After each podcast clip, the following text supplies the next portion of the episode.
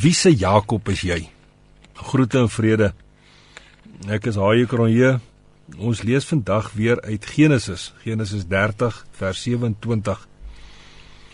Moenie nou al gaan nie, sê Laban. Ek het agtergekom dat die Here my geseën het net omdat jy by my is. Die verbasing en skok is in hoofletters en uitroeptekens op die groepies vrouens se gesigte geskryf na my terloopse opmerking. Almal praat gelyk en die kakafonie van klank weer galm deur ons huis.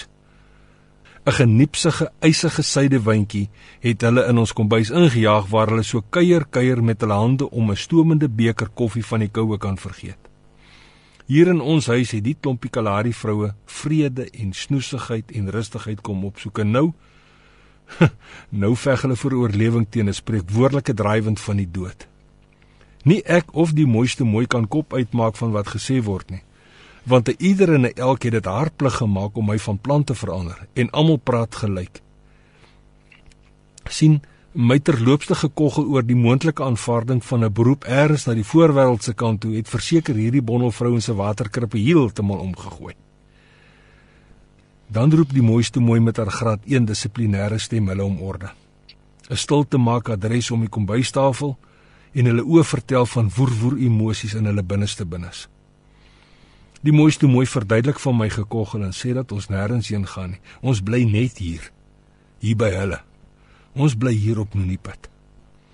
Stadig maar seker raak hulle rustig en begin weer die warm koffie geniet terwyl hulle vertel van hoe hulle lewens verander het vandat ek in die mooiste monikularie is. Dis hoekom pastoor en mevrou nie kan weggaan nie want julle maak dat ons geseën word. Julle leer ons dan so baie van hom en en dit help ons so baie, sê Sofia wat amper nooit iets sê nie. Laban, dis nou Jakob se skoonpa, moes ook iets beleef het met Jakob se aankondiging dat hy en sy gesin eerder maar wil aanskuif. Nie net staan hy 'n kans om kontak met sy dogters en sy 12 kleinkinders te verloor nie. Hy verloor ook 'n betroubare en 'n loyale werknemer wat 14 jaar vir hom sonder 'n salaris gewerk het. In 'n oomblik van rou erkenklikheid, erken en verklaar Laban: "Dis nou iemand wat nie 'n verhouding met die Here het nie dat hy geseën word as gevolg van Jakob se teenwoordigheid en sy lojaliteit. Laban getuig onwillekeurig van die Skepper se almag. En diep in ons harte hoop ek en jy ook maar dat daar eers 'n Jakob in ons lewens is. Iemand wie se verhouding met hom vir ons tot voordeel sal strek. Maar maar ons wil nie graag 'n Jakob vir iemand anders wees nie. Dis nie hoe ons dink se drade gekoppel is nie. Nee wat Ons jag eerder ons eie seëninge, want dit verskaf tog soveel satisfaksie en genoegdoening. En tog vra Vader van ons om iemand anders se Jakob te wees. Jakob het vir 14 jaar sonder materiële vergoeding gewerk, uitgeswoeg en gevare getrotseer.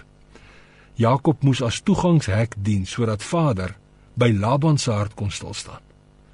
Jakob het meer van 'n verhoudingslewe met die Here gedemonstreer as 'n sweterjoel woorde saam. Jakob het nie gepreek, gebid, gesalf of selfs oor sy Here getuig nie. Hy het bloot net geleef en gedoen wat van hom verwag was.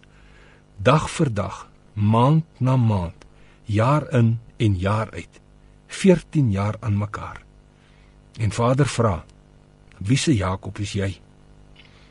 Die Skepper van hemelgoed en stofaarde benodig jou en my om iemand se Jakob te wees. Hy verwag van ons om ons liefde vir hom so uit te leef sodat dit verander tot seën kan strek. En vir Oulaas vra hy vandag: Wie se Jakob is jy?